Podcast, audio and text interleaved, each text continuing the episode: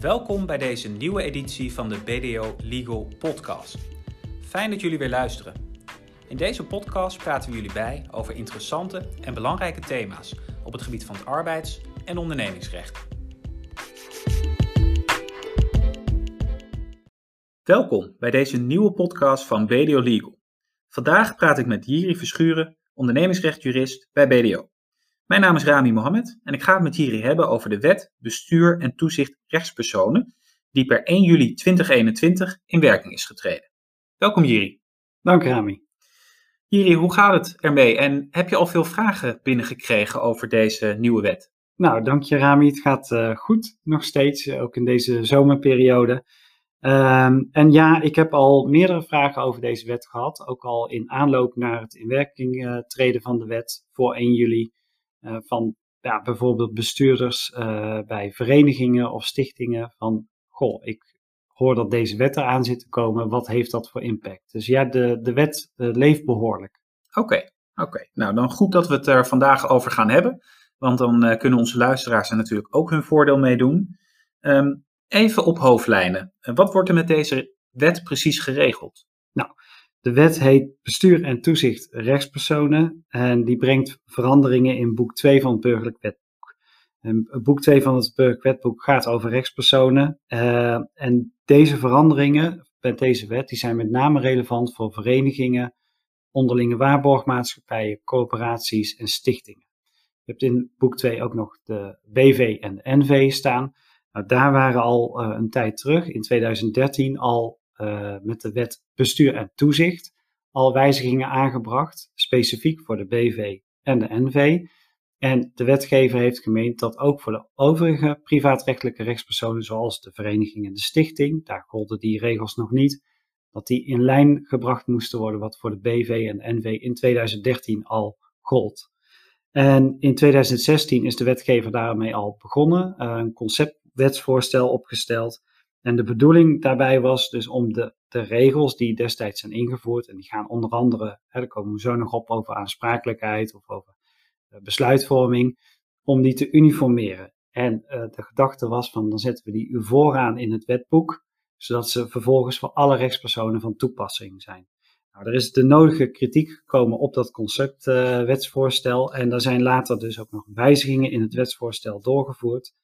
En er is nu voor gekozen om het niet allemaal te uniformeren in titel 1 van uh, boek 2. Het is helemaal volaan. Maar per rechtsvorm, dus uh, bij de vereniging zijn enkele wijzigingen aangebracht. Bij de stichting zijn enkele wijzigingen aangebracht. Gewoon door het wetboek heen. Um, ja, die wijzigingen, dat zegt de naam van de wet al, bestuur en toezicht rechtspersonen. Uh, die zien natuurlijk op bestuur en toezicht bij een rechtspersoon. En de bedoeling is dat de taken en de verplichtingen van de bestuurders, maar ook de toezichthouders, dat die eigenlijk duidelijker worden. Uh, ook wettelijk vastgelegd worden waar ze, daar, waar ze nog niet vastgelegd waren. En ja, het doel is natuurlijk dat er uiteindelijk beter bestuurd gaat worden en ook beter toezicht gehouden gaat worden bij die rechtspersonen. Oké, okay. dus uiteindelijk heeft de wetgever nu eigenlijk een, een, een, regeling op maat geïntroduceerd voor de verschillende rechtspersonen die er zijn. Ja. Um, nou, als we even inzoomen naar de wijzigingen. Uh, wat zijn de belangrijkste wijzigingen, bijvoorbeeld als het gaat om uh, de taakvervulling? Ja, de taakvervulling, om daarmee te beginnen. Um, in de wet was nog niet opgenomen, dat was, was wel een algemene taak, uh, bestuurstaak van het bestuur bestuurt en de toezichthouder houdt toezicht. Um, maar bijvoorbeeld, waar moeten ze zich nou naar richten bij het uitoefenen van hun taak? Dat stond niet in de wet. En dat is nu expliciet in de wet opgenomen dat ze bij de vervulling van hun taak zich moeten richten naar het belang van de rechtspersoon en de met de rechtspersoon verbonden organisatie of onderneming. Dat stond ook alweer bij de BV en de NV in de wet. En dat lijkt een beetje een open deur. Hè, van ja, het bestuur moet zich toch daarnaar richten. Maar je moet je wel voorstellen, een bestuur heeft natuurlijk enorme hoeveelheid belangen waar ze rekening mee kan houden. Je hebt het belang van de werknemers, het belang van de crediteuren, het belang van de klanten, het belang van aandeelhouders of, of bij vereniging uh, bijvoorbeeld bij leden. Uh, dus er zijn heel veel belangen waar uiteindelijk een bestuur tussen moet kiezen. Maar nu is dus wettelijk verankerd van nou, het primaire belang wat een bestuurder dient, is het belang van de rechtspersoon zelf en de organisatie die daarmee verbonden is. Hij ontkomt natuurlijk niet aan uh, om dan alsnog al die deelbelangen af te gaan wegen. Maar nu is in ieder geval een duidelijke richtlijn in de wet opgenomen. Dat is het primaire uh, belang bij zo'n taakvervulling. Inderdaad, een beetje een open deur, maar ja. uh, wel goed dat het nu ja. wettelijk is vastgelegd. Zodat Precies. Ja, iedereen... Het, het, is niet zo dat in de praktijk dat bestuurders uh, en masse zeg maar, dit niet deden. Hè? dat niet. Maar het is goed dat het nu wettelijk is vastgelegd. Komt dat omdat dat ook al een beetje uit de rechtspraak volgde? Ja, zeker. Dat, uh, het is eigenlijk een soort algemene norm geworden. En je ziet ook, uh, je ziet natuurlijk ook een bepaalde reflexwerking dat als dingen bij, een, bij de BV of de NV al lang zijn ingevoerd, dat daar natuurlijk ook naar gekeken wordt bij de andere rechtspersonen. Duidelijk. Um, dan heb ik uh, iets gehoord over een one-tier board. Ja, Kun je daar wat meer over vertellen? Ja, een one-tier board, dat is echt zo'n Engelse term, die ook, uh, ja, je kunt wel bijna raden waar die uh, van uh, overgewaaid is. Dat is ook uit Engelstalige landen. Ehm, een one-tier board, wij noemen het dan een monistisch bestuursmodel. Dat betekent concreet dat je nog één bestuur hebt en in dat bestuur zitten uitvoerende bestuurders en niet-uitvoerende bestuurders. En er is een taakverdeling en nou, de, de uitvoerende bestuurders, die houden zich bezig met de dagelijkse gang van zaken. Dat zijn wat we traditioneel noemen het bestuur. En de niet-uitvoerende bestuurders, die houden toezicht op die uitvoerende bestuurders. Nou, traditioneel in Nederland hadden we een two-tier uh, board. En dat zijn dan twee verschillende organen. Die kennen de meeste mensen ook wel. Dat is dan het bestuur en de raad van commissarissen. Twee aparte organen. De een bestuurt, de ander houdt toezicht op dat bestuur. Um, nou, in, in uh, de Anglo-Saxische landen had je dus al langer een one-tier board model, waarbij je dus gezamenlijk bestuurt. Dus je hebt nog steeds één bestuur, maar dan met twee verschillende hoedanigheden. Nou, de gedachte is dat eh, een voordeel kan zijn dat ze wat dichter op elkaar zitten, zodat die uh, niet uitvoerende bestuurders die toezicht moeten houden ook wat dichter op dat vuur zitten en die bestuurders wat beter in de gaten kunnen houden. Dus dat het de kwaliteit van het toezicht ten goede zou komen. Oké, nou dat is op zich duidelijk. Hè? Als je dichter op het vuur zit, dan heb je ook misschien meer informatie tot je beschikking om uh, toezicht te kunnen houden. Aan de andere kant zou je kunnen zeggen dat de onafhankelijkheid wellicht uh, wat in het geding komt.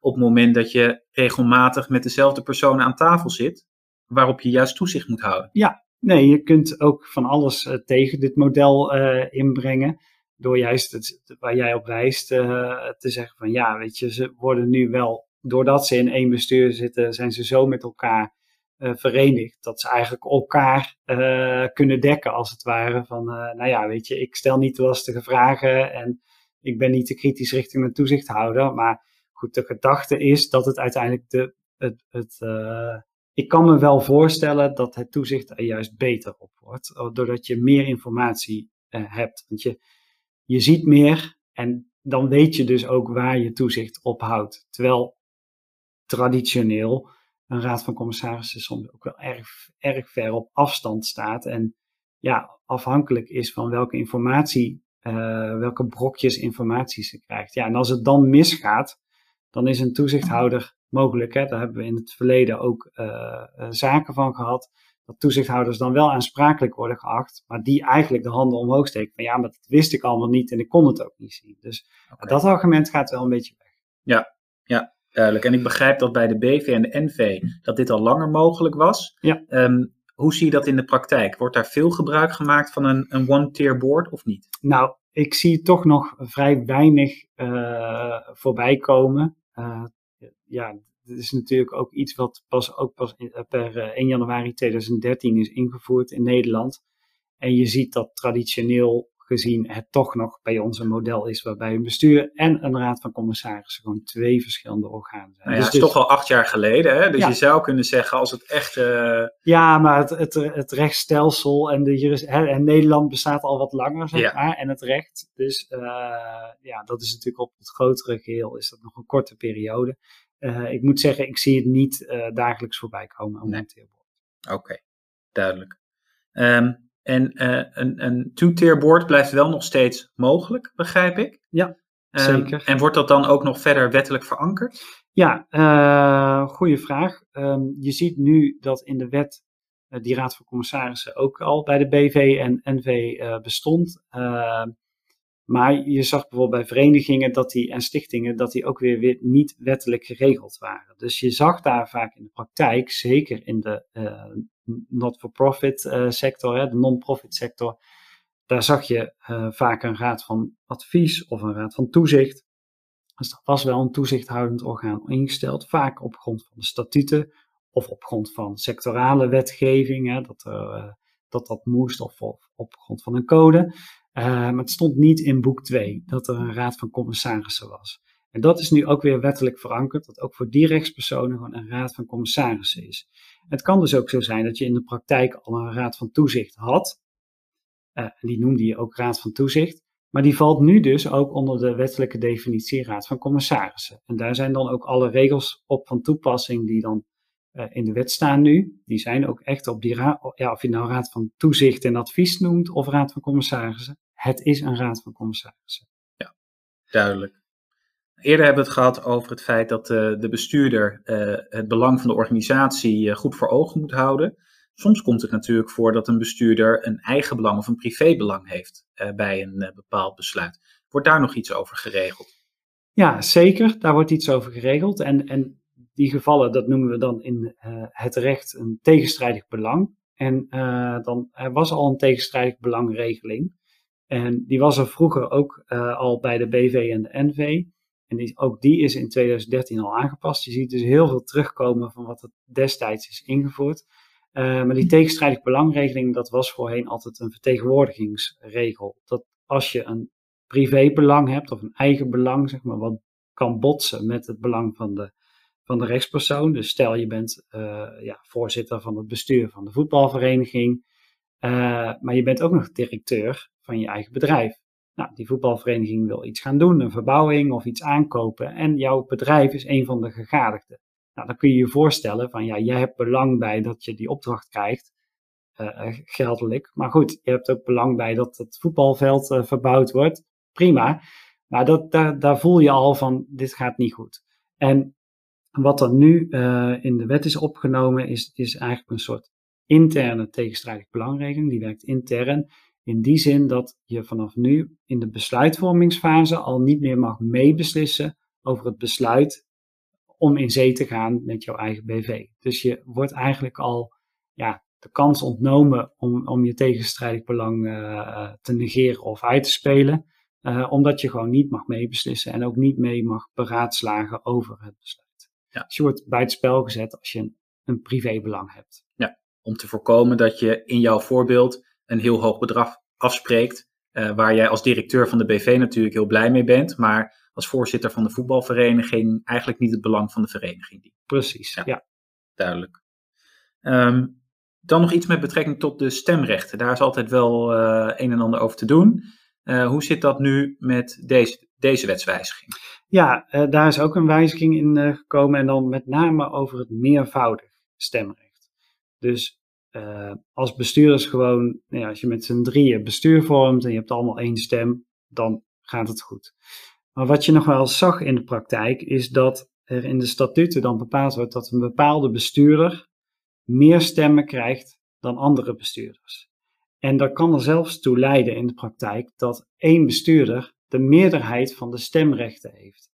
Nou, stel je voor je hebt drie bestuurders en uh, één van de bestuurders heeft drie stemmen en de andere twee hebben één persoon, uh, één stem per persoon. Nou, dan kun je dus altijd die andere twee overroelen door uh, ja, jouw drie stemmen uit te brengen. Nou, dat mag voortaan niet meer. En dat staat vaak in de statuten.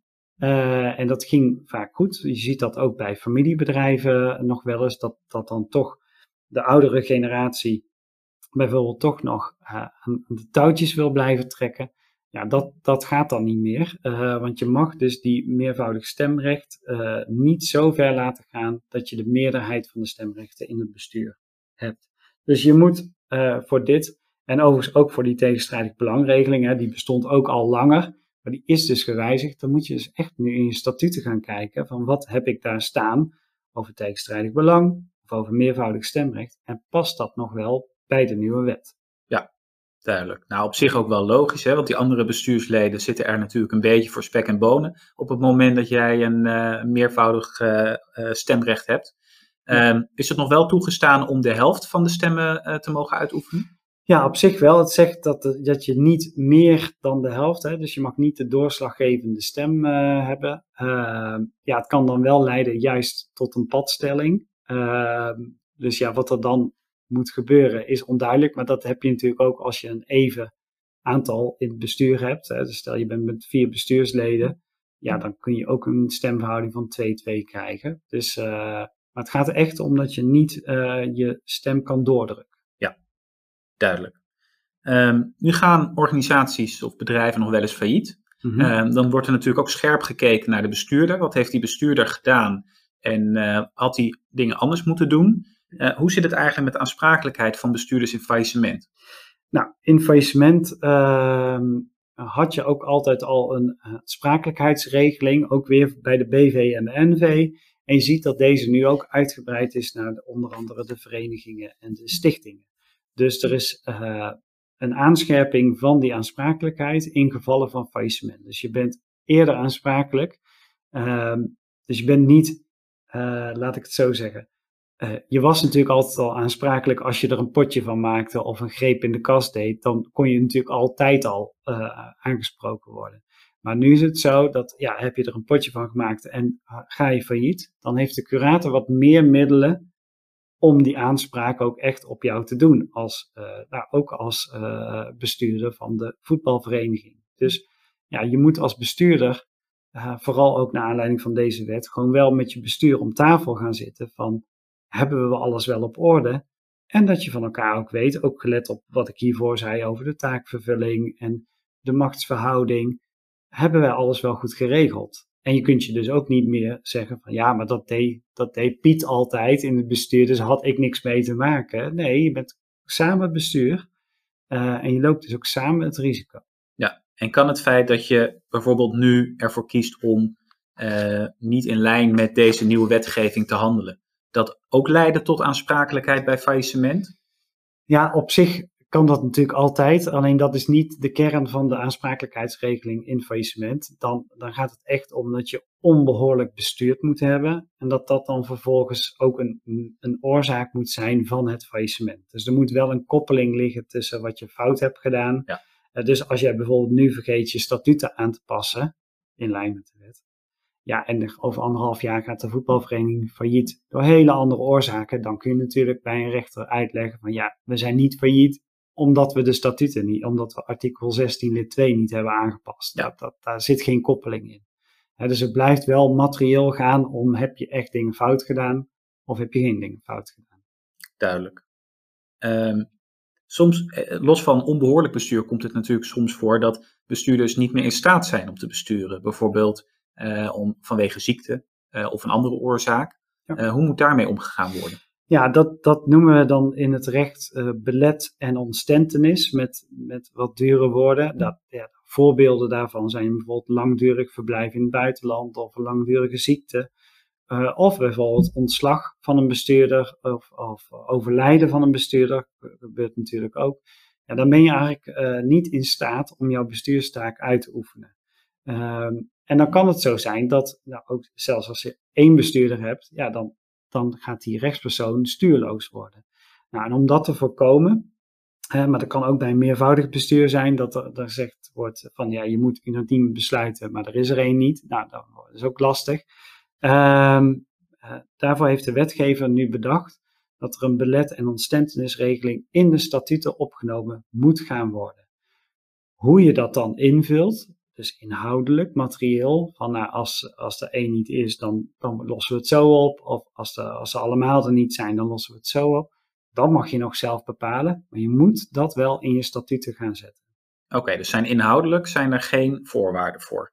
Nee, inhoudelijk zijn er niet, heeft de wetgever heeft niet gezegd en de regeling moet hier en hier en hier aan voldoen. Of als die er niet is, dan mag die beslissen. Dat hebben ze niet meegegeven. Ze hebben wel uh, opgenomen in je statuten zal in de toekomst zo'n regeling moeten staan. Oké, okay. duidelijk. Nou, dat zijn uh, behoorlijk wat wijzigingen. Ja. Um, tot slot, wat moeten ondernemers en organisaties nu doen en wanneer? Nou, je hoort het woord natuurlijk al vaak terugkomen, statuten. Ehm, deze wet heeft heel veel invloed, ja, er is heel veel wettelijk verankerd en heeft heel veel invloed op wat je al in je statuten hebt staan of in de toekomst zult moeten hebben staan. Dus je zult je statuten tegen het licht moeten houden om te kijken, staat alles wat daarin staat, klopt dat nog wel? Is mijn tegenstrijdig belangregeling niet buitenspel gezet door de wet? Mijn meervoudig stemrechtregeling, heb ik een uh, belet- en ontstentenisregeling, had ik die al in mijn statuten staan? Nou, waarschijnlijk als het wat oudere statuten zijn, dan had je die er nog niet in staan. Uh, dus dan is het goed om die tegen het licht uh, te houden. En dan geldt over het algemeen, wordt wel gezegd, het is niet zo van als mensen deze podcast nu beluisteren van, oh, dan moet ik morgenochtend gillend naar de notaris om meteen de statuten aan te passen. Zo'n vaart loopt het in het algemeen niet. Dus wel goed om naar te laten kijken en zelf naar te kijken. En ook om dat gesprek met die bestuursleden onderling te voeren van zijn we goed bezig. Um, maar je hoeft niet morgen iets te wijzigen in veel gevallen. Wel heeft de wetgever op twee punten gezegd, ja, daar moet dan in de toekomst wel iets aan gebeuren. Dat is die uh, belet- en ontstentenisregeling. Bij de eerstvolgende statutenwijziging zul je die moeten opnemen. Maar goed, het kan zijn dat je niet van plan bent om naar de notaris te gaan, omdat er geen aanleiding uh, toe is. Maar goed, zodra het zover is, zul je die moeten opnemen. En de andere is die meervoudige stemrechtregeling. Als je die nu in je statuten hebt staan, uh, dan blijft die nog geldig. Tot je je statuten gaat wijzigen, uh, wijzigen de eerstvolgende keer, dan moet die eruit. En uiterlijk, vijf jaar na inwerkingtreding van de wet, dan zal die aangepast moeten zijn. Is dat niet het geval, dan gaat de wettelijke regeling gewoon voor op die statutaire regeling. Dus je hebt in principe nog wel wat tijd. Neem die weg dat het verstandig is om die statuten nog eens op te diepen uit de la, want die lees je ook niet iedere dag als bestuurder of toezichthouder. En ook om deze kennis, ook uit deze podcast, maar er zijn meerdere nieuwsbrieven verschenen ehm, op internet, kun je daar veel over vinden. Ga het gesprek aan met je medebestuursleden en toezichthouders. Van hebben wij de zaken op orde? Ja, nou, je geeft terecht aan, je hoeft niet morgen gillend naar de notaris te rennen. Maar ik denk wel goed om, om hiermee aan de slag te gaan. Want het is natuurlijk ook niet fijn als je statuten hebt waar dingen in staan die gewoon op grond van de wet niet meer mogen. Ja. Zorgt natuurlijk ook alleen maar voor onduidelijkheid. Zeker. Oké. Okay. Nou, daarmee zijn we aan het einde gekomen van deze BDO Legal podcast. Bedankt Jiri voor jouw bijdrage. Uh, bedankt ook voor het luisteren en hopelijk tot de volgende keer.